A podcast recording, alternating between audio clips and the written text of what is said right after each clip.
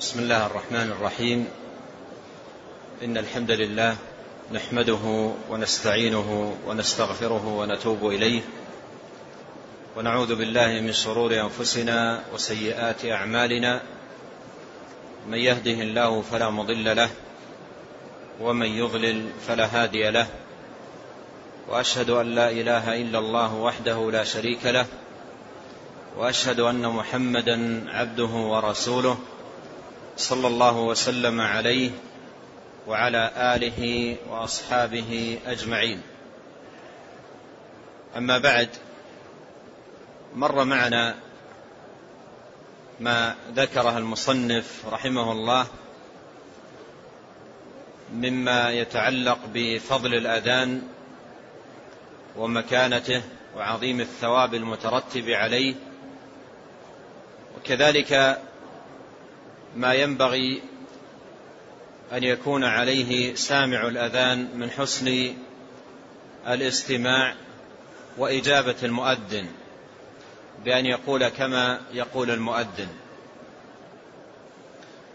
وعرفنا أن الواجب في هذا الباب وفي كل أبواب الذكر بل وفي جميع أبواب الدين التقيد. بهدي النبي الكريم عليه الصلاة والسلام ولزوم سنته والعمل بما جاء به. وقد كان عليه الصلاة والسلام ناصحا أمينا بين لأمته كل خير وحذرهم من كل شر.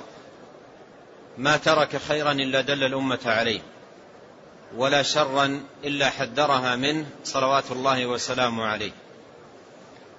ولهذا الذي ينبغي على المسلم في هذا الباب وفي كل أبواب الدين أن يكون عمل أن يكون عمله وعباداته في ضوء المشروع وضوء الوارد عن نبينا وقدوتنا صلى الله عليه وسلم.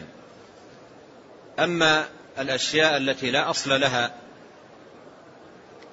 أو الأشياء المبنية على أحاديث موضوعة ومكذوبة على النبي عليه الصلاة والسلام أو كذلك الأمور المبنية على الأحاديث الواهية والضعيفة فكل ذلك لا يعمل به وإنما يعمل بما ثبت عن نبينا صلوات الله والسلام عليه.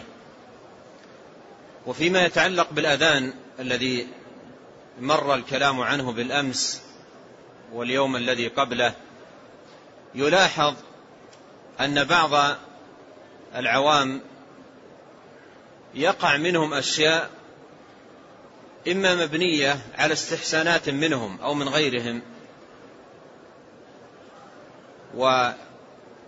ويفعلونها عند الأذان أو مبنية على أحاديث غير صحيحة لا أصل لها في سنة النبي عليه الصلاة والسلام. وهذا أمر لا ينبغي أن يكون عليه المسلم. المسلم يتبع ويقتدي ويأتسي بالرسول صلى الله عليه وسلم. وأما أمثال هذه الأعمال فإنها تترك وتجتنب ولا يفعل شيء منها لأنها ليست من هديه عليه الصلاة والسلام ولا, ولا من سنته ولا مما أمر به صلى الله عليه وسلم أمته. وعلمهم إياه. ربما نلاحظ عند الأذان إذا قال المؤذن أشهد أن محمد رسول الله. إذا قال المؤذن أشهد أن محمد رسول الله. بعض العوام عند عند سماع ذكر النبي عليه الصلاة والسلام في الأذان يقبل إبهامه. يجمع الإبهامين ويقبلهما ثم بعد التقبيل يضع الإبهام كل واحد منهما في عين من العينين وبعضهم يبالغ ويفتح العين حتى يلامس ظفره ظفر إبهامه أصل عينه. ويقول بعضهم عند ممارسته أو عند فعله لهذا الأمر مرحبا بحبيبي وقرة عيني. يفعل ذلك عند كل أذان. وهذا العمل مبني على حديث باطل. مبني على حديث باطل لا أصل له عن النبي عليه الصلاة والسلام. ينسب إلى النبي صلى الله عليه وسلم ولا أصل له. وقد أورده العلماء في كتب الموضوعات والكتب التي تعتني بالمكذوبات على الرسول عليه الصلاة والسلام. ولفظ الحديث من سمع آه، المؤذن يقول أشهد أن لا إله إلا الله. من سمع المؤذن يقول أشهد أن محمد رسول الله. فجمع إبهاميه وقبلهما ووضعهما على عينه وقال مرحبا بحبيبي وقرة عيني. لم يصب لم تصب عينه برمد ولا عمى. لم تصب بعين عينه برمد ولا عمى هذا هو الحديث. وهو حديث لا أصل له. حديث لا أصل له. ليس من كلام النبي عليه الصلاة والسلام. وهو حديث عامة العلماء الذين ألفوا في الموضوعات يوردونه في جملة الأحاديث التي لا أصل لها والأحاديث المختلقة التي ليست من كلام النبي عليه الصلاة والسلام. فهذه دعوة أن نترك أمثال هذه الأعمال. نعم نحب النبي عليه الصلاة والسلام. نعم هو قرة أعيننا. ومحبته مقدمة على محبة الوالد والولد والناس أجمعين. لكن ليس من محبته أن نفعل أمورا ليست من هديه. ليس من محبته أن نفعل أمورا ليست من هديه ولا من سنته. صلى الله عليه وسلم. وقد قال الله في القرآن قل إن كنتم تحبون الله فاتبعوني. علامة المحبة الصادقة حسن الاتباع للنبي صلى الله عليه وسلم. فمثل هذا العمل حتى وإن كان الإنسان تعود عليه سنوات طويلة جدا يحتسب عند الله تركه اتباعا للنبي وتحقيقا لمحبته عليه الصلاة والسلام.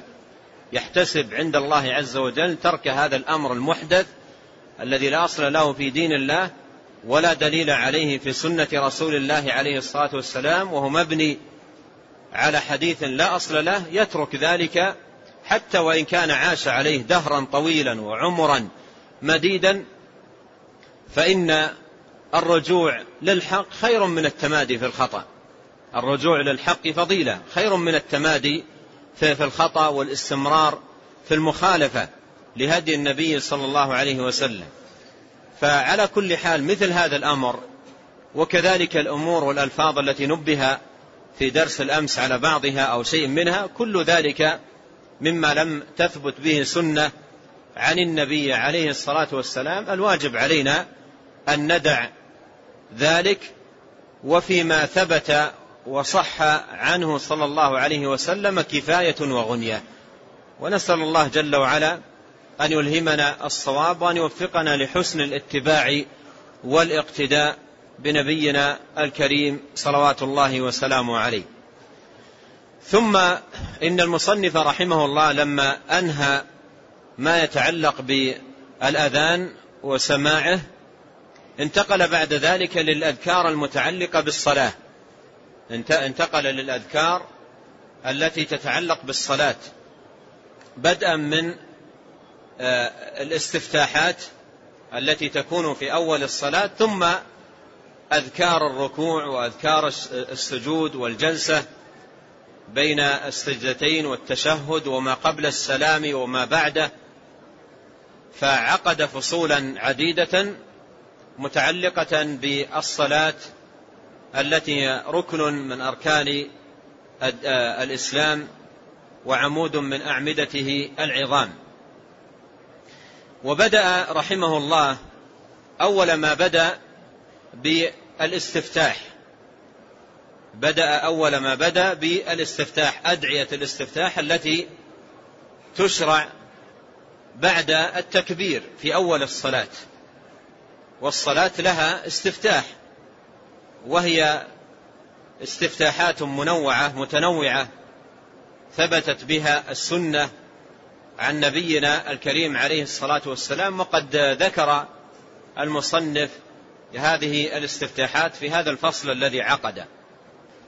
والصلاة لها استفتاحات أو لها استفتاح.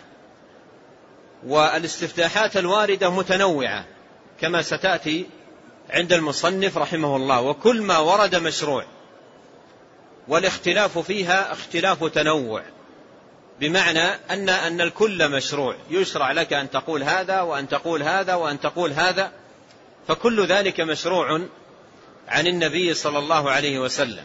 فيؤتى بها إن تمكن العبد من ذلك يؤتى بها كلها يأتي بهذا مرة وبذاك مرة ويعمل بكل ما جاء عن النبي عليه الصلاة والسلام قدر استطاعته وهي تسمى استفتاحات.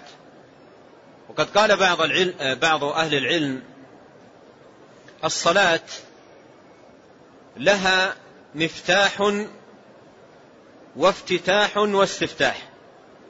الصلاة لها مفتاح وافتتاح واستفتاح.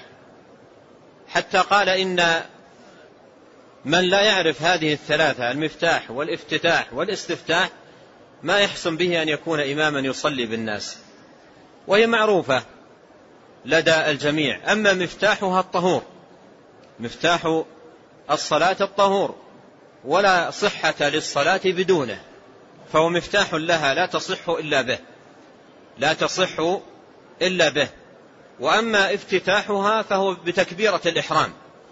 ولا يمكن أن تفتتح الصلاة إلا بها. وليس هناك أي ذكر يمكن أن تفتتح به الصلاة إلا التكبير. حتى لو قال لفظا مقاربا كأن يقول الله أعظم ما, ما تفتتح الصلاة. لا, لا, لا تفتتح إلا به فهو, فهو افتتاحها. وإذا حصل التكبير معنى ذلك أن الصلاة افتتحت بدأت. ودخل فيها. فالتكبير هو افتتاح الصلاة به تفتتح. والاستفتاحات هي التي عقد لها المصنف رحمه الله هذا الفصل ليبين أنواع الاستفتاحات المأثورة عن نبينا صلى الله عليه وسلم. والاستفتاحات المأثورة عنه عليه الصلاة والسلام أنواع كما سيأتي معنا. وقد قال العلماء رحمهم الله إن الاستفتاحات المأثورة عن عن النبي عليه الصلاة والسلام ترجع في الجملة إلى ثلاثة أنواع. ترجع في الجملة إلى ثلاثة أنواع. النوع الأول ذكر لله عز وجل وثناء عليه. كما سيأتي معنا سبحانك اللهم وبحمدك وكما سيأتي معنا الله أكبر كبيرا والحمد لله كثيرا. فهذه استفتاحات قائمة على الثناء والتعظيم والتمجيد والتقديس لله تبارك وتعالى. والنوع الثاني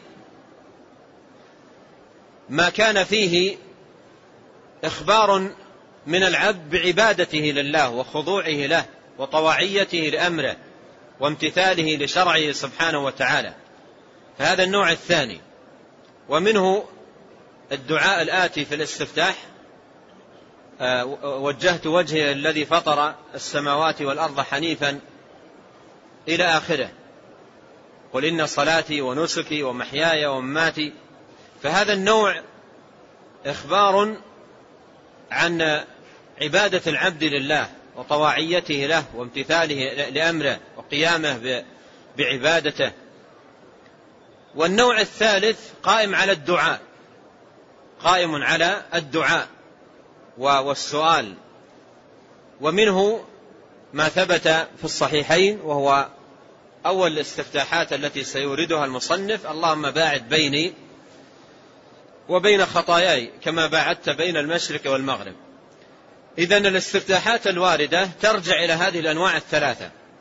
النوع الأول ثناء وتمجيد النوع الثاني إخبار بعبادة الله تبارك وتعالى النوع الثالث دعاء وسؤال. وأفضل هذه الأنواع الثلاثة الاستفتاح بالثناء والتمجيد. أفضلها الاستفتاح بالثناء والتمجيد. الثناء على الله عز وجل وتمجيده. وأفضل ما جاء في الاستفتاحات ثناء وتمجيدا ما ما ورد في الاستفتاح المشهور سبحانك اللهم وبحمدك أشهد أن لا إله إلا أنت. سبحانك اللهم وبحمدك وتبارك اسمك وتعالى جدك ولا إله غيرك. فهذا أفضل الاستفتاحات. وقد جمع كما ذكر أهل العلم آه، الباقيات الصالحات. جمع الباقيات الصالحات وجمع أحب الكلام إلى الله عز وجل. جمع التقديس والتنزيه والثناء والتوحيد لا إله إلا أنت تعالى جدك تعظيم الله عز وجل وتكبيره. فهذا أفضل أنواع الاستفتاحات. ولهذا جاء عن عمر رضي الله عنه أن أنه كان يعلمه الناس أنه كان يعلمه الناس ويرفع به صوته يعلمه الناس. فهذا أفضلها. وكونه أفضلها لا يعني أن لا يعمل إلا به أو لا يستفتح إلا به. لا يعني أن لا يستفتح إلا, إلا به بل يستفتح به وبغيره. والأكمل في, في هذا الباب الفعل بكل ما ورد. هذا هو الأكمل. الأكمل أن يفعل الإنسان كل ما ورد. يعني يأتي بهذا مرة ويأتي بهذا مرة ويأتي بهذا مرة. يفعل بكل ما ورد. وإن صعب وعسر عليه يكتفي بواحد منها وأفضلها وأعظمها هذا الاستفتاح الذي كان عمر رضي الله عنه يعلمه الناس. وهو قائم على الثناء قائم على الثناء والتمجيد لله تبارك وتعالى.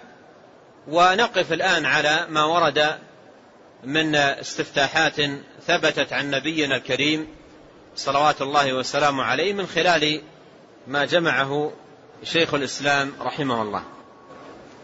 بسم الله الرحمن الرحيم. الحمد لله رب العالمين والصلاة والسلام على أشرف المرسلين نبينا محمد وعلى آله وصحبه أجمعين. قال المصنف رحمه الله تعالى فصل في استفتاح الصلاة. قال أبو هريرة رضي الله تعالى عنه كان رسول الله صلى الله عليه وسلم إذا استفتح الصلاة سكت هنيها قبل أن يقرأ. فقلت يا رسول الله بأبي وأمي أرأيت سكوتك بين التكبير والقراءة؟ ما تقول؟ قال أقول اللهم باعد بيني وبين خطاياي كما باعدت بين المشرق والمغرب. اللهم نقني من خطاياي كما ينقى الثوب الأبيض من الدنس. اللهم اغسلني من خطاياي بالثلج والماء والبرد. متفق عليه. قال المصنف رحمه الله فصل في استفتاح الصلاة. في استفتاح الصلاة. أي ما تستفتح به الصلاة. وسمي استفتاحا لأن لأن الصلاة به تستفتح. كما أنها بالتكبير تفتتح. فتفتتح بالتكبير فهو تحريمها. ثم يلي التكبير الاستفتاح والاستفتاح المشروع في الصلاة أنواع أنواع وهي كما قدمت آه، منها ما هو دعاء ومنها ما هو ثناء ومنها ما هو إخبار بعبادة الله تبارك وتعالى.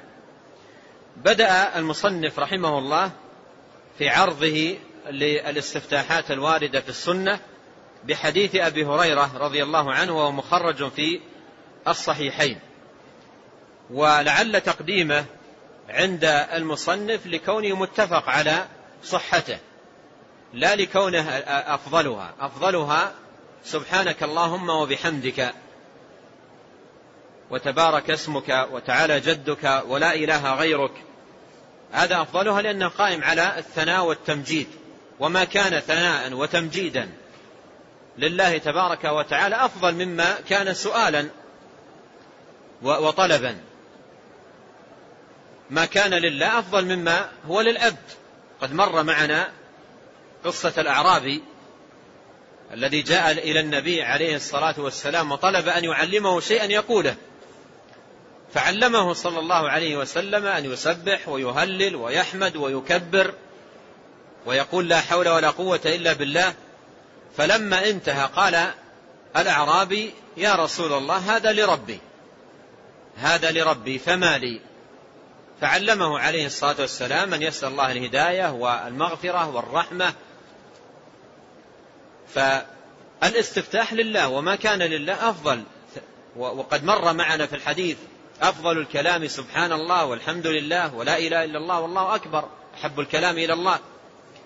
فما كان ثناء لا شك أنه أفضل. ما كان ثناء وتمجيدا وتقديسا لله تبارك وتعالى أفضل مما هو سؤال وطلب من العبد يسأل الله تبارك وتعالى حاجته. فلعل تقديم المصنف لهذا لكونه متفق عليه. فقدمه لهذا الغرض. قال عن أبي هريرة عن أبي هريرة كان رسول الله صلى الله عليه وسلم إذا استفتح الصلاة سكت هنيهة سكت هنيهة. إذا كبر سكت بعد التكبير هنيهة. ومعنى هنيهة أي وقتا يسيرا وقتا قليلا. يسكت كما جاء في بعض الروايات إسكاتة. يسكت إسكاتة يعني سكتة. يسيرة. فقبل أن يقرأ يعني قبل أن يشرع في القراءة يسكت إسكاتة يسيرة أي قبل أن يشرع في القراءة. فقلت يا رسول الله بأبي وأمي بأبي وأمي أي بأبي أنت وأمي أفديك بأبي وأمي. أرأيت سكوتك بين التكبير والقراءة ما تقول؟ وهذا فيه حرص الصحابة رضي الله عنهم على الخير. والبحث عنه والسؤال عنه ومعرفته. فلاحظ أنه عليه الصلاة والسلام يسكت إسكاتة يسيرة بين التكبير والقراءة فسأله. فسأله بهذا الأسلوب اللطيف بأبي أنت وأمي يعني أفديك بأبي أنت وأمي يا رسول الله. أرأيت سكوتك بين بين التكبير والقراءة؟ ماذا تقول؟ وهذا السؤال سؤال للبحث عن آه، آه، هديه عليه الصلاة والسلام وطريقته ليأتسي به فهو سؤال للاتباع سؤال للاتباع والاقتداء بالنبي الكريم صلوات الله وسلامه عليه.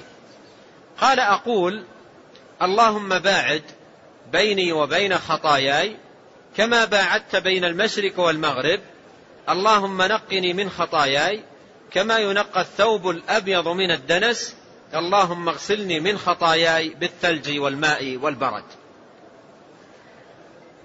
هذا كله دعاء. كله دعاء وسؤال لله تبارك وتعالى أن يقيله وأن يعفو عنه فيما اقترفه من خطايا. والخطايا هي الذنوب والآثام والتقصير في جنب الله تبارك وتعالى. وفي القيام بعبادته سبحانه وتعالى. فهذا دعاء قائم على سؤال الله تبارك وتعالى أن يقيله من خطأه وأن ينقيه من خطأه وأن يباعد بينه وبين خطأه. قائم على هذا. قال في الجملة الأولى اللهم باعد بيني وبين خطاياي كما باعدت بين المشرق والمغرب. بدأ بسؤال الله تبارك وتعالى أن يباعد بينه وبين خطاياه. هذه المباعدة وحدد المشرق والمغرب لأنها أوسع آه، الجهات المشاهدة للناس أو آه، الموجودة آه، بين الناس والمشاهدة. فأبعد ما يكون ما بين المشرق والمغرب أي في الجهات التي يشاهدونها ويمكن أو, أو في الجهات التي يمكنهم مشاهدتها. أبعد ما يكون ما بين المشرق والمغرب. فطلب, فطلب هنا من الله سبحانه وتعالى أن يباعد بينه وبين خطاياه هذه المباعدة بحيث يكون تكون الخطايا بعيدة عنه فلا يقربها ولا يقارفها ولا يحوم حولها بل هي في مكان بعيد عنه غاية البعد. في مكان بعيد عنه غاية البعد. اللهم باعد بيني وبين خطاياي بعدا كالبعد الذي باعدته بين المشرق والمغرب. ثم قال في الجملة الثانية اللهم نقني من خطاياي أي نظفني منها ونزهني منها وطهرني منها. نقني من خطاياي كما ينقى الثوب الأبيض من الدنس. وخص الثوب الأبيض لأنه آه، يتميز عن غيره من الثياب بأن الوسخ يظهر عليه والنظافة تظهر عليه في الوقت نفسه. أما الثياب الأخرى الملونة لو نظف قد لا يشعر بأنه نظف. ولو اتسخ ربما لا يشعر بأنه اتسخ. إلا الأبيض فالوسخ القليل يظهر عليه والنظافة أيضا تظهر عليه. ولهذا خصه بالذكر. قال كما ينقى الثوب الأبيض من الدنس. كما ينقى الثوب الأبيض من الدنس. وهذا الدعاء حقيقة نستفيد منه فائدة مهمة في المسلك الذي ينبغي أن نكون عليه في قيامنا بدين ربنا سبحانه وتعالى.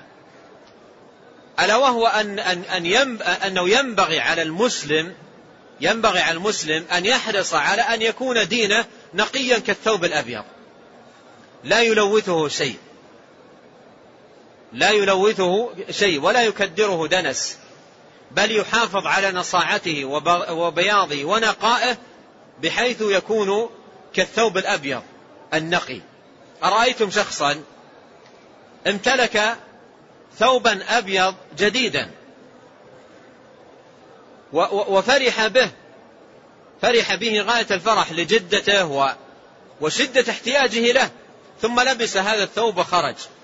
وفي طريقه يوجد الأتربة ويوجد الوحل ويوجد الأوساخ كيف كيف يكون سيره بين هذه الأوساخ ومعه هذا الثوب الجديد؟ دعك ممن ثوبه في شيء من الأوساخ لكن الذي ثوبه جديد للتو لبسه. وكان أيضا بشوق له وحاجة إليه ثم لبسه وخرج وفي طريقه تراب ووحل ووسخ كيف يكون سيرا بين هذه الأوساخ؟ تجده في غاية المحافظة ويلم ثوبه ويحذر غاية الحذر أن يدنس ثوبه أي شيء من هذه الأوساخ.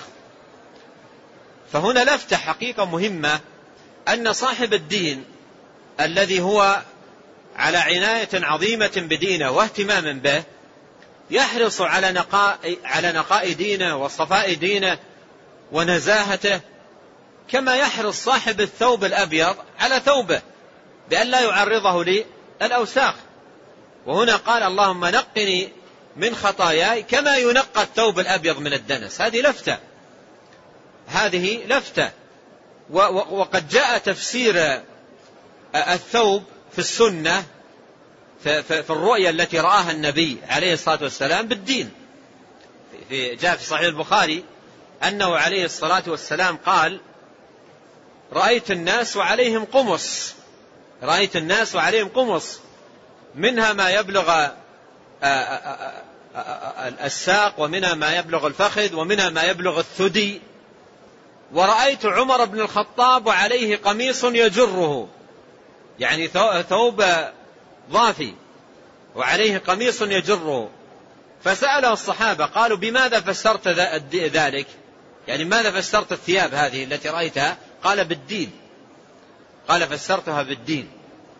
فعلى كل حال يعني هنا قوله كما ينقى الثوب الأبيض من الدنس يستفاد منه فائدة أن المسلم ينبغي أن يحافظ على نقاء دينه وصفاء عبادته و و وسلامتها مثل محافظة الإنسان على الثوب الأبيض يحرص على نقائه وصفائه. قال اللهم نقني من خطاياي كما ينقى الثوب الأبيض من الدنس. اللهم اغسلني من خطاياي بالثلج والماء والبرد. ذكر هذه الأمور الثلاثة في التنقية. لأن الماء يبرد لأن الماء ينظف وينقي. والثلج والبرد يبرد.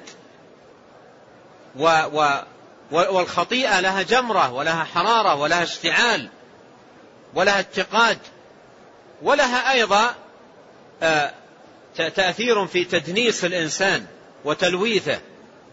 ولهذا قال هنا نقني أغسلني من خطاياي بالماء بالثلج والماء والبرد. وهذا أكمل ما يكون في الغسل والتنقية من الذنوب. فهذا استفتاح قائم على الدعاء الدعاء. وهو دعاء يدخل به المسلم صلاته وقد سأل الله عز وجل هذا السؤال العظيم بأن يكون نقيا. وهذا عظيم جدا في ملاقاة الله سبحانه وتعالى. أن تدخل في هذه العبادة الشريفة العظيمة الجليلة وأنت نقي. سألت الله عز وجل أن ينقيك أن يغسلك من الخطايا أن يباعد بينك وبين الخطايا فتدخل في صلاتك وأنت على هذه النقاوة وهذا الصفاء.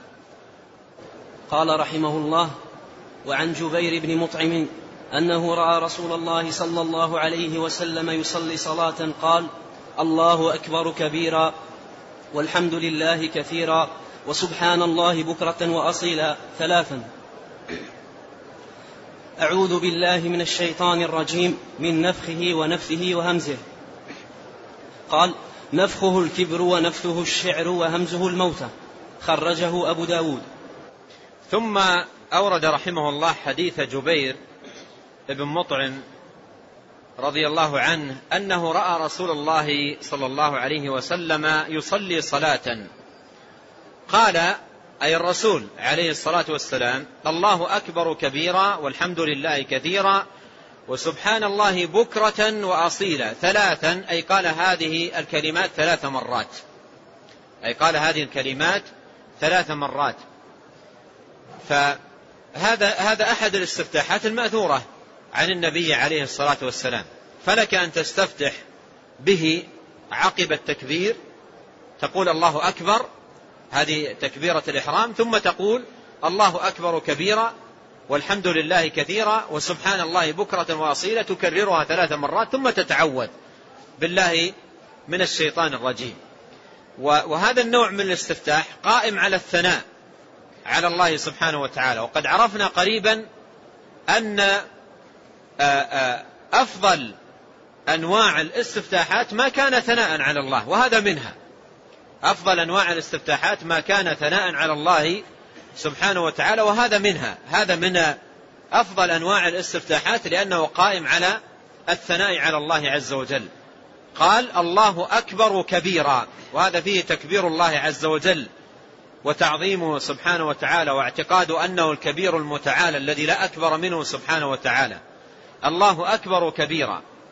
والحمد لله كثيرا. والحمد لله كثيرا. والحمد هو الثناء على الله عز وجل. الثناء على الله عز وجل مع حبه سبحانه وتعالى وإجلاله وتعظيمه على أسمائه الحسنى وصفاته العلى وعلى نعمه ومننه سبحانه وتعالى. وقوله سبحان الله بكرة وأصيلا. سبحان الله هذه فيها تنزيه الله. تنزيه تبارك وتعالى عن النقائص والعيوب وعما لا يليق به سبحانه وتعالى وعن مماثلة المخلوقات. فتسبيح الله هو تنزيهه سبحانه وتعالى. سبحان الله بكرة وأصيلا أي في أول النهار وآخره. وهذا أفضل أوقات التسبيح. فأوحى إليهم أن سبحوا بكرة وعشيا فأفضل أوقات التسبيح هو أول النهار قبل طلوع الشمس وقبل الغروب. وسبحان الله بكرة وأصيلا. قال ثلاثا أي تقول ذلك ثلاث مرات. أعوذ بالله من الشيطان الرجيم من نفخه ونفثه وهمزه. هذه ليست جزء من هذا الاستفتاح وإنما تعوذ بين يدي القراءة. أما الاستفتاح انتهى بقوله الله أكبر كبيرا والحمد لله كثيرا وسبحان الله بكرة وأصيلا ثلاث مرات. هذا الاستفتاح. أما قول أعوذ بالله من الشيطان الرجيم من نفخه ونفثه وهمزه فهذا تعوذ بالله تبارك وتعالى من الشيطان بين يدي القراءة. فإذا قرأت القرآن فاستعذ بالله. فهذه استعاذة بالله تبارك وتعالى من الشيطان بين يدي القراءة. ولهذا فإن هذه الاستعاذة يناسب أن تأتي بها سواء جئت بهذا الاستفتاح أو جئت بالاستفتاح الذي بعده. مثل قلت سبحانك اللهم وبحمدك وتبارك اسمك وتعالى جدك ولا إله غيرك يناسب أن تقول أعوذ بالله من الشيطان الرجيم من نفخه ونفثه وهمزه. وإن اقتصرت على الاستعاذة فقط قلت أعوذ بالله من الشيطان الرجيم ففيه كفاية. وإن زدت بهذه الزيادة فهي زيادة ثابتة. قال أعوذ بالله أي ألتجئ إلى الله وأعتصم به سبحانه وتعالى سائلا منه الحماية من الشيطان الرجيم أي أن يعيدني من الشيطان الرجيم. من نفخه ونفثه وهمزه. قال نفخه الكبر يعني التعالي ينفخ في الإنسان فيتعالى على الناس ويتكبر ويتعاظم ويرى أنه ليس في الناس من هو أعظم منه فيقع في الخيلاء والكبر. وهذا يفيدنا أن الخيلاء والكبر من نفخ الشيطان. ينفخ في الإنسان الضعيف فيظهر فيظهر له نفسه أنه لا أكبر منه ولا أعلى منه. فهذا من نفخ الشيطان والعياذ بالله. قال ونفثه الشعر. ونفثه الشعر. يعني ينفث في الإنسان ومن نفث الشيطان الشعر الذي إذا امتلأ جوف الإنسان به امتلأ ب يعني امتلأ بالمعاني السيئة والمعاني المنحطة خاصة في الأشعار القائمة على السوء وعلى الباطل وعلى المعاني الناقصة والمعاني الهزيلة. فهذه امتلاء الإنسان امتلاء جوفه بها. فيه المعنى الوارد في الحديث لأن يمتلئ جوف أحدكم قيحا خير من أن يمتلئ شعرا. والمراد بالشعر الشعر القائم على هذه المعاني. والشعر كما قيل كلام حسنه حسن وقبيحه قبيح. ولا يدخل هنا النظم القائم على جمع المسائل العلمية والأحكام الفقهية وأصول الدين ونحو والدفاع عن الإسلام والدفاع عن النبي الكريم عليه الصلاة والسلام. هذه لا تدخل هنا ليست داخلة وإنما المراد بالشعر القائم على المعاني السيئة والمعاني الهابطة ونحو ذلك. قال ونفثه الشعر. وهمزه الموتة وهمزه الموتة همز الشيطان الموتة ولعل يعني المراد ما يكون به فساد قلب الإنسان وشدة غفلته عن الله وعن طاعته وعن عبادة الله عز وجل وما يقرب إليه سبحانه وتعالى.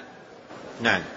قال رحمه الله وعن عائشة رضي الله تعالى عنها وأبي سعيد وغيرهما أن النبي صلى الله عليه وسلم كان إذا افتتح الصلاة قال سبحانك اللهم وبحمدك وتبارك اسمك وتعالى جدك ولا إله غيرك. خرجه الأربعة. ثم أورد رحمه الله حديث عائشة وغيرها رضي الله عن الصحابة أجمعين أن النبي صلى الله عليه وسلم كان إذا افتتح الصلاة قال سبحانك اللهم وبحمدك وتبارك اسمك وتعالى جدك ولا إله غيرك. وهذا الاستفتاح ثابت عن النبي عليه الصلاة والسلام.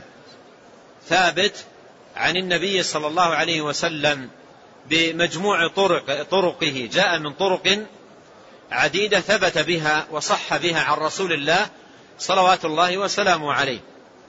وأشار المصنف إلى شيء منها. قال عن عائشة وأبي سعيد وغيرهما فهو جاء عن غير واحد من الصحابة من طرق آه، ثبت بمجموعها عن النبي عليه الصلاة والسلام فهو حديث صحيح ثابت. وهو في الوقت نفسه أفضل أنواع الاستفتاحات الثابتة. نظرا للمعنى أفضل أنواع الاستفتاحات الثابتة نظرا بالنظر إلى معناه. إذا نظرنا إلى معاني الاستفتاحات الواردة عن النبي عليه الصلاة والسلام فإن هذا أفضلها. وأفضل من الذي قبله لأنه أجمع في الثناء من الذي قبله. الذي قبله الله أكبر كبيرا والحمد لله كثيرا وسبحان الله بكرة وأصيلا. ليس فيه كلمة التوحيد لا إله إلا الله. فأما هذا فقد جمع آه، الباقيات الصالحات. في, في, في معانيه ودلالاته. جمع التسبيح والتحميد والتكبير والتهليل. كل ذلك اجتمع في هذه الصيغة العظيمة. التسبيح والتحميد في قوله سبحانك اللهم وبحمدك والتكبير يدل عليه تعالى جدك فهذا فيه عظمة الله عز وجل ولا إله غيرك فيه توحيد الله سبحانه وتعالى. فيه توحيد الله سبحانه وتعالى. ف وأيضا التكبير جاء آه، آه، آه، في, في, في, في, في الافتتاح في قولك الله أكبر. فيجتمع للإنسان في هذا الافتتاح الكلمات الأربع التي هي أحب الكلام إلى الله سبحانه وتعالى. ولهذا ذكر العلماء أن هذه الصيغة أفضل صيغ الاستفتاح وأكملها من حيث المعنى ومن حيث الدلالة. قال سبحانك اللهم وبحمدك. هذا فيه تسبيح الله عز وجل وحمده سبحانه وتعالى. سبحانك اللهم أي أنزهك يا الله لأن التسبيح هو تنزيه الله. وبحمدك هذا فيه الثناء على الله عز وجل. فجمع بين التسبيح والحمد وفي الجمع بينهما جمع بين تقديس الله عز وجل وتنزيهه وإثبات الكمال له. وهذا الذي يقوم عليه توحيد الأسماء والصفات. توحيد الأسماء والصفات يقوم على التقديس والإثبات. التقديس بتنزيه الله عز وجل عن النقائص وعما لا يليق به سبحانه وتعالى والإثبات وهذا مستفاد من الحمد لأن الحمد فيه الثناء على الله عز وجل بإثبات الكمال له سبحانه وتعالى. قال وتبارك اسمك. وتبارك اسمك. آه هذا فيه إثبات هذا الوصف لله تبارك وتعالى. تبارك. والبركة صفة لله عز وجل. يدل عليها ما جاء هنا. وأيضا ما جاء في قوله تبارك الذي بيده الملك. وهذا اللفظ لا يضاف إلا إلى الله عز وجل لا يقال في حق غيره تبارك. لا يقال في حق غيره تبارك وإنما هذا خاص به جل وعلا. فهو عز وجل تبارك في نفسه في أسمائه في صفاته في عظمته في مجده سبحانه وتعالى. وأيضا البركة منه وجعلني مباركا. فتبارك هو سبحانه وتعالى في نفسه عز وجل وكل بركة فهي منه سبحانه وتعالى منا وتفضلا. عز وجل تبارك اسمك وتعالى جدك أي تعالى شأنك وعظم قدرك ومكانتك. تعالى جدك وهذا فيه إثبات العظمة والجلال والكبرياء. والتعالي لله سبحانه وتعالى وأنه لا أكبر منه ولا أعظم منه ولا أجل منه سبحانه وتعالى. وهذان اللفظان ثابتان في القرآن تبارك اسمك وتعالى جدك. تبارك اسم ربك ذو الجلال والإكرام في, في, في سورة الرحمن وفي أول سورة الجن وأنه تعالى جد ربنا ما اتخذ صاحبة ولا ولدا وقوله تعالى جد ربنا ما اتخذ يدل على أن أن أن, أن معنى تعالى فيها أيضا تنزيه لله. فيه تنزيه كما هو في التسبيح. تنزيه الله تبارك وتعالى عما, عما لا يليق به. ولهذا قال تعالى جد ربنا ما اتخذ صاحبة. ما اتخذ صاحبة ولا ولدا. قال ولا إله غيرك. ولا إله غيرك. وهذا فيه توحيد الله عز وجل في العبادة وأنه لا معبود بحق سواه. هذا معنى لا إله غيرك أي لا معبود بحق سواه. فأنت المعبود بحق ولا معبود بحق سواك. وقوله قبل هذا تعالى جدك تعالى جدك فيه إثبات التعالي له سبحانه وتعالى في ربوبيته وفي ألوهيته وفي أسمائه وصفاته فهو شامل لذلك كله. ولهذا إذا تأملنا هذا التسبيح كما أنه جمع آه، الكلمات الأربع التي هي أحب الكلام إلى الله سبحانه وتعالى فإنه كذلك قد جمع أنواع التوحيد الثلاثة. فإنه قد جمع أنواع التوحيد الثلاثة التي عليها قيام الدين. توحيد الربوبية وتوحيد الألوهية وتوحيد الأسماء والصفات. وكل ذلك يبين لنا كمال هذا الاستفتاح في معناه مع كماله في مبناه. فهو كامل في مبناه وفي معناه حيث اشتمل على أعظم الثناء والتمجيد لله تبارك وتعالى واشتمل على تحقيق التوحيد بأنواعه توحيد الله عز وجل في ربوبيته وتوحيد الله سبحانه وتعالى في أسمائه وصفاته وتوحيده تبارك وتعالى في ألوهيته. ولأجل هذا قال العلماء رحمهم الله عن هذا الاستفتاح أنه أفضل أنواع الاستفتاحات. وإذا قيل إن, إن هذا أفضل أنواع الاستفتاحات فإن هذا لا يعني أن يقتصر عليه ويترك غيره. أن يقتصر عليه ويترك غيره. فالأفضل أن يأتي الإنسان بالوارد يأتي بهذا تارة وهذا تارة لكن هذا أفضل ما ورد. قال وخرج مسلم عن عمر رضي الله تعالى عنه أنه كبر ثم استفتح به. وخرج مسلم عن عمر أي ابن الخطاب رضي الله عنه أنه كبر ثم استفتح به.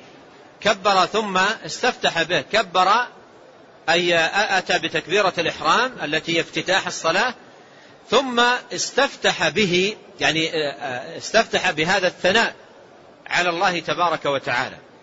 استفتح بهذا الثناء على الله تبارك وتعالى. نعم. قال وقال علي رضي الله تعالى عنه كان رسول الله صلى الله عليه وسلم إذا قام إلى الصلاة قال وجهت وجهي للذي فطر السماوات والأرض حنيفا وما أنا من المشركين. إن صلاتي ونسكي ومحياي ومماتي لله رب العالمين لا شريك له وبذلك أمرت وأنا من المسلمين. اللهم أنت الملك لا إله إلا أنت أنت ربي وأنا عبدك. ظلمت نفسي واعترفت بذنبي فاغفر لي ذنوبي جميعا إنه لا يغفر الذنوب إلا أنت. واهدني لأحسن الأخلاق لا يهدي لأحسنها إلا أنت. واصرف عني سيئها لا يصرف عني سيئها إلا أنت. لبيك وسعديك والخير كله في يديك والشر ليس إليك أنا بك وإليك تباركت وتعاليت أستغفرك وأتوب إليك. خرجه مسلم ويقال إن هذا كان في صلاة الليل. ثم أورد رحمه الله آه هذا الحديث حديث علي رضي الله عنه قال كان رسول الله صلى الله عليه وسلم إذا قام إلى الصلاة. هذا لفظ الحديث في صحيح مسلم. كان إذا قام إلى الصلاة.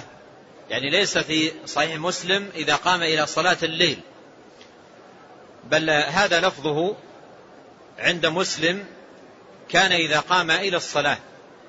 وأشار المحقق رحمه الله أن الحديث ورد عند عند الدار قطني بسند صحيح على شرط مسلم بلفظ كان رسول الله صلى الله عليه وسلم إذا قام إلى الصلاة المكتوبة. كان إذا قام إلى الصلاة المكتوبة. و و ونبه المصنف إلى أن سنده ثابت. فما أشار إليه المصنف رحمه الله عقب الحديث بقوله ويقال إن هذا كان في صلاة الليل ليس في طرق الحديث ما يدل على ذلك ليس في طرق الحديث ما يدل على ذلك. بل ثبت في آه، آه، سند يعني في بعض طرق الحديث بسند صحيح أن أن ذلك في الصلاة المكتوبة أنه كان إذا قام إلى الصلاة المكتوبة. فإذا هذا ليس خاصا بصلاة الليل بل هو استفتاح مشروع أن تستفتح به الصلاة إذا قام إلى الصلاة. إذا قام إلى الصلاة فهو ليس من الاستفتاحات الخاصة بصلاة الليل. ولهذا المصنف رحمه الله قال ويقال وهذه عبارة يعني تشير إلى تضعيف القول. تشير إلى إلى تضعيف القول. لم يقل رحمه الله لما لما انتهى من الحديث لم يقل وهذا خاص بصلاة الليل. أو لم يقل هذا آه، يفعل في صلاة الليل وإنما قال يقال. يقال يعني آه، أن أن إشارة إلى إلى تضعيف هذا القول وهو قول ضعيف لأنه ليس في ما ورد من طرق الحديث ما يدل على أنه خاص بصلاة الليل. بل ورد في بعض طرق الحديث بالسند الصحيح أنه كان يفعل ذلك في الصلاة المكتوبة. قال كان رسول الله صلى الله عليه وسلم إذا قام إلى الصلاة قال وجهت وجهي للذي فطر السماوات والأرض حنيفا وما أنا من المشركين. إلى آخره. إذا تأملت هذا الاستفتاح وأنت تستحضر الأنواع الثلاثة التي أشرت إليها وهي أن الاستفتاحات ثلاثة أنواع. نوع ثناء على الله ونوع إخبار من العبد بعبوديته لله تبارك وتعالى ونوع دعاء وسؤال. تجد أن هذا الاستفتاح قائم على الإخبار بالعبادة. قائم على الإخبار بالعبادة. وهو الذي يري وهو الذي يلي في الرتبة والأفضلية ما كان ثناء على الله لأن العلماء رتبوا الأنواع الثلاثة في الأفضلية كما يلي. قالوا أفضلها ما كان ثناء على الله. ثم يليه ما كان إخبارا من العبد بعبوديته لله تبارك وتعالى. ثم يليه ما كان دعاء. فهذا الاستفتاح قائم على الإخبار قائم على الإخبار بالعبودية. ولهذا قال وجهت وجهي. فهذه كلها إخبار من العبد بعبودية لله وجهت وجهي إن صلاتي ونسكي لله رب العالمين أنا عبدك. كل هذا إخبار بالعبودية. وأيضا تضمن الأمر الثالث وهو الدعاء. ولهذا نجد فيه بعض الأدعية. اهدني لأحسن الأخلاق اصرف عني سيئها. فيه, فيه بعض الأدعية. قال وجهت وجهي للذي فطر السماوات والأرض حنيفا. وجهت وجهي. هذا فيه التوجه لله عز وجل بالإخلاص. التوجه لله بالإخلاص. ومن يسلم وجهه إلى الله وهو محسن فقد استمسك بالعروة الوثقى أي بلا إله إلا الله. فهذا فيه الإخلاص لله تبارك وتعالى. وجهت وجهي للذي فطر السماوات والأرض حنيفا أي لا, لا ليس لغيره وإنما له وحده. وهذا فيه إخلاص التوجه لله تبارك وتعالى. للذي فطر السماوات والأرض الذي أبدعهما وأوجدهما, وأوجدهما من العدم. وهو الله سبحانه وتعالى حنيفا أي مائلا لأن الحنيف هو المائل. المائل عن الشرك إلى التوحيد عن المعصية إلى الطاعة. قال الله عز وجل في وصف نبيه إبراهيم إن إبراهيم كان أمة قانتا لله حنيفا. ولم يكن من المشركين. ولهذا يسمى دين إبراهيم ماذا؟ الحنيفية. الحنيفية السمحة. فالحنيف هو المائل. قال حنيفا أي مائلا عن الشرك عن الضلال عن الباطل إلى التوحيد والإخلاص وحسن الإقبال على الله سبحانه وتعالى. وما أنا من المشركين. أي لست من المشركين ولا من أهل ولا من لست من من أهل الشرك ولا من أهله. لست من الفاعلين الشرك ولست من أهله أي بريء منه وهذا فيه البراءة من الشرك والبراءة من أهله. ولا يصح التوحيد إلا بهذه البراءة. ولا يصح التوحيد إلا بهذه البراءة. قد كانت لكم أسوة حسنة في إبراهيم والذين معه إذ قالوا لقومهم إنا براء منكم ومما تعبدون من دون الله. قال وما أنا من المشركين؟ إن صلاتي ونسكي ومحياي ومماتي لله رب العالمين. ذكر هنا الصلاة والنسك لأنهما أفضل العبادة. النسك أفضل الصلاة أفضل العبادة البدنية والنسك أفضل العبادة المالية. وقد جمع الله بينهما في قوله فصل لربك وانحر. وقوله سبحانه وتعالى قل إن صلاتي ونسكي ومحياي ومماتي لله رب العالمين. لا شريك له. قال إن صلاتي ونسكي. والمراد بالنسك الذبح. وهذا فيه دلالة على أن النسك الذي هو الذبح عبادة لله. لا يجوز صرفها لغيره تبارك وتعالى. فمن ذبح ذبيحة أيا كانت لغير الله فقد أشرك. وانتقل بذلك من ملة الإسلام. ولهذا صح في الحديث عن النبي عليه الصلاة والسلام من رواية علي بن أبي طالب رضي الله عنه أن النبي صلى الله عليه وسلم قال لعن الله من ذبح لغير الله. لعن الله من ذبح لغير الله. ويتناول هذا اللعن من يذبحون للقبور وللقباب وللأضرحة. هؤلاء كل يعني هذه الأعمال يتناولها هذا اللعن. لأنها ذبائح صرفت لغير الله تبارك وتعالى. صرفت لغير الله تبارك وتعالى.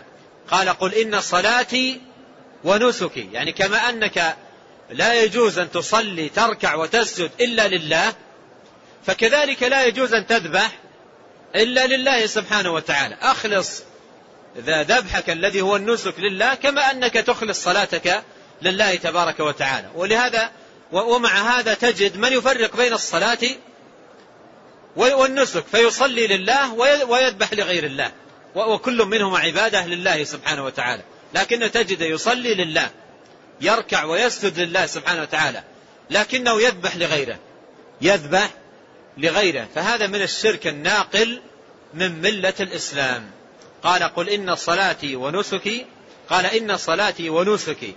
ومحياي ومماتي. أي, أي وما أحيا عليه من العبادة والطاعة وما أموت عليه من, من الإيمان والخضوع لله كله لله رب العالمين.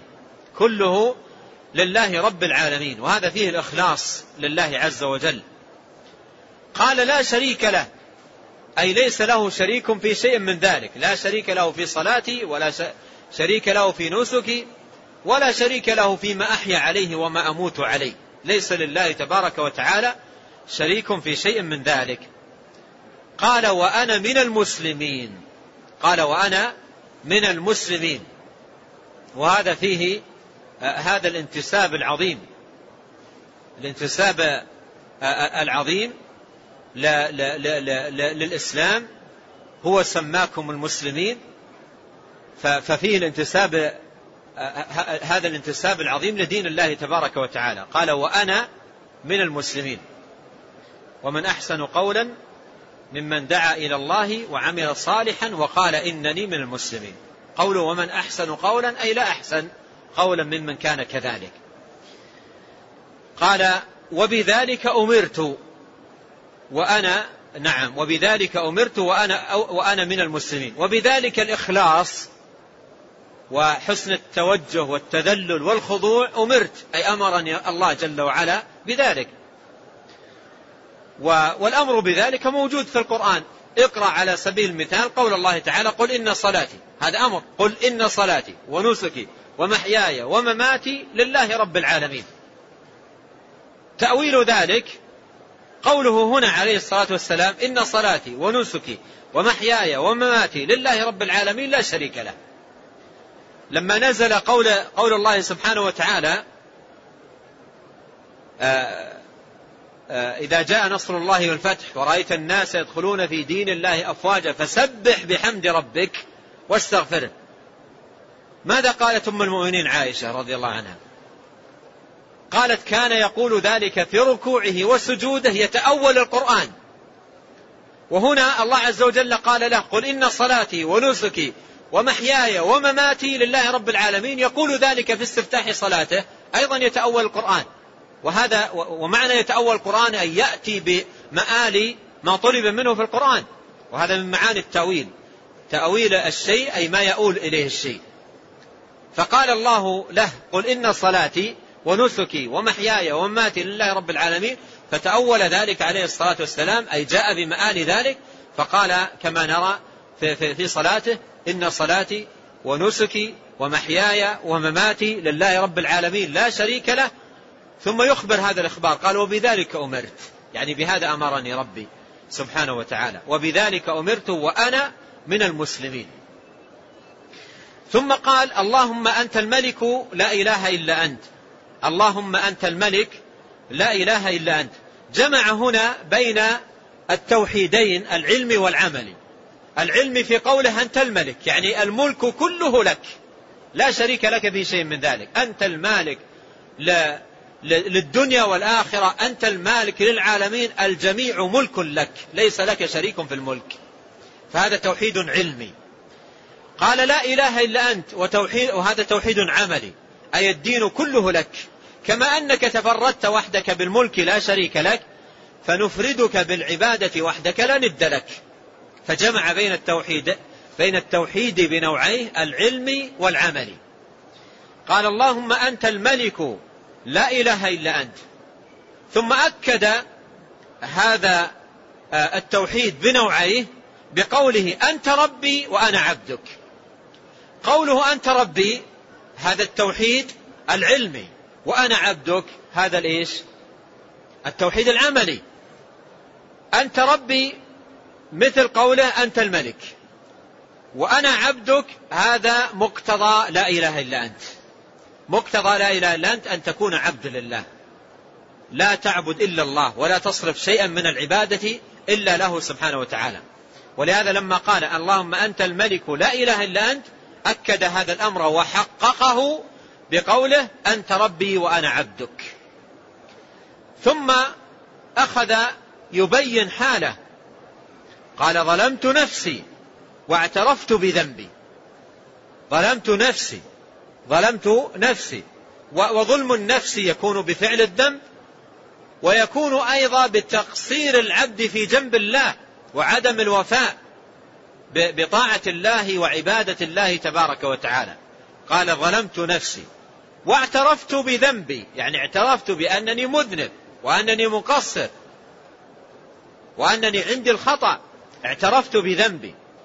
فاغفر لي ذنوبي جميعا. فاغفر لي ذنوبي جميعا. هذا الآن طلب جاء قبله تلك الوسائل العظيمة. طلب غفران الذنوب. فاغفر لي ذنوبي جميعا. أي اغفر لي كل ذنب وقع مني وكل خطأ اقترفته.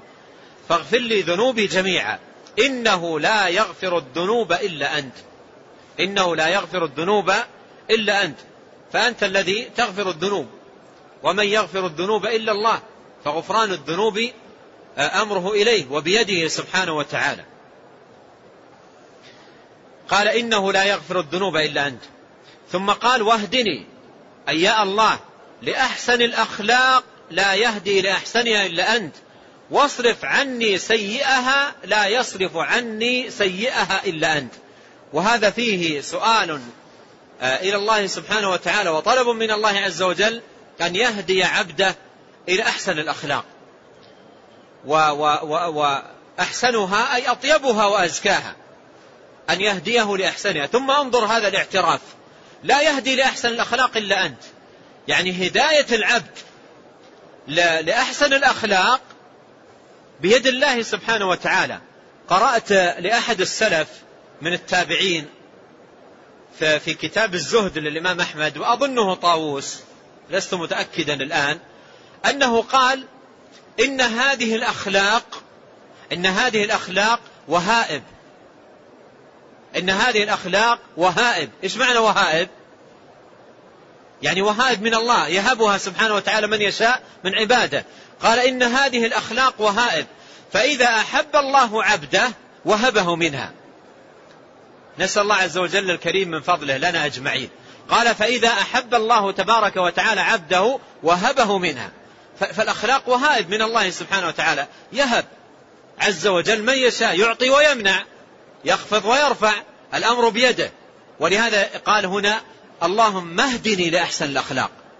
اللهم اهدني لأحسن الأخلاق. أي من علي وتفضل علي وأكرمني بأحسن الأخلاق لا يهدي لأحسنها إلا أنت. يعني الهداية لأحسن الأخلاق بيدك. لا يهدي لأحسنها إلا أنت. ثم قال واصرف عني سيئها. يعني سيء الأخلاق لا يصرف عني سيئها إلا أنت. لا يصرف عني سيئها إلا أنت. ففيه سؤال الله تبارك وتعالى الأخلاق الطيبة الحسنة وأن يصرف عن عبده الأخلاق السيئة.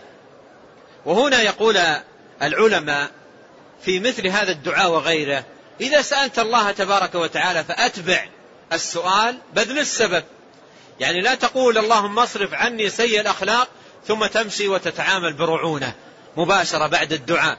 تقول اللهم اصرف عني سيء الأخلاق ثم تمشي وتتصرف مباشرة برعونة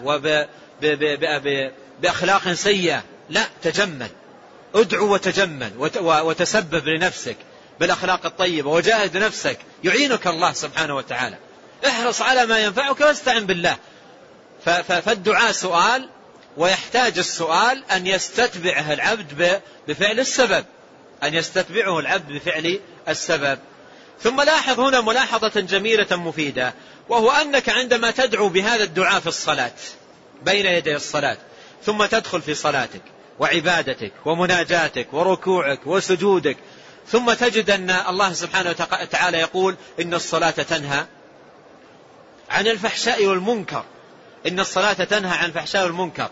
فهذا, فهذا يستفاد منه أن الصلاة بوابة عظيمة جدا ومدخل مبارك لإصلاح الأخلاق. لإصلاح الأخلاق والبعد عن سيئها. لإصلاح الأخلاق وتحسينها والبعد عن سيئها. ولهذا جاء هذا الاستفتاح فيه هذا السؤال العظيم وهذا الالتجاء المبارك إلى الله سبحانه وتعالى. قال اهدني لأحسن الأخلاق لا يهدي لأحسنها إلا أنت واصرف عني سيئها لا يصرف عني سيئها إلا أنت. لبيك وسعديك. لبيك التلبية هي استجابة لله سبحانه وتعالى وامتثال لأمره. ومعنى لبيك أي, أي, أي, أي استجبت لندائك وامتثلت أمرك. فالتلبية استجابة لنداء الله تبارك وتعالى. وسعديك أي إسعاد والمراد به الطاعة والامتثال. لبيك وسعديك أي, أي إسعاد بعد, بعد طاعة بعد تلبية بعد امتثال. فأنا ملب للنداء ومستجيب وممتثل. لأمرك يا الله لبيك وسعديك. الكلمتان كلهما فيها فيهما معنى الاستجابة والامتثال لله تبارك وتعالى. لبيك وسعديك. والخير كله في يديك. الخير كله في يديك. خزائن الخير بيد الله تبارك وتعالى. ولهذا جاء في دعاء ثابت عن النبي صلى الله عليه وسلم أنه كان يقول يقول في دعائه اللهم إني أسألك من كل خير خزائنه بيدك وأعوذ بك من كل شر خزائنه بيدك. فالخير بيد الله سبحانه وتعالى الخير بيده سبحانه وتعالى والخير كله في يديك. فلا يطلب إلا منه سبحانه وتعالى ولا يلتجى في طلبه إلا إليه. قال والشر ليس إليك والشر ليس إليك. يعني لا ينسب إليك ولا يضاف إليك فالشر لا يدخل في أسماء الله ولا يدخل في, في صفات الله ولا يدخل في أفعال الله تبارك وتعالى ليس في أسمائه ولا في صفاته ولا في أفعاله ما هو شر. سبحانه وتعالى منزه عن ذلك. فهو عز وجل منزه عن ذلك. لكن لكن الشر يقع في مفعولاته أي مخلوقاته سبحانه وتعالى بتقديره لحكمة. لكنه ليس داخلا في أسمائه ولا في صفاته ولا في أفعاله. هذا معنى قوله والشر ليس إليك لا يضاف إليك اسما ولا صفة ولا فعلا. فالله جل وعلا منزه عن ذلك. فالله جل وعلا منزه عن ذلك. ويقع الشر في المفعولات التي المخلوقات بتقديره سبحانه وتعالى سبحانه وأن و و والإيمان بالقدر خيره وشره من الله يعني خلقا وتقديرا تقع يقع الشر في المفعولات بتقديره لحكمة سبحانه وتعالى. قال والشر ليس إليك أنا بك وإليك.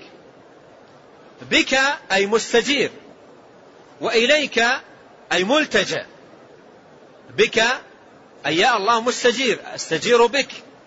وإليك ألتجئ أي لا ألتجئ إلا إليك.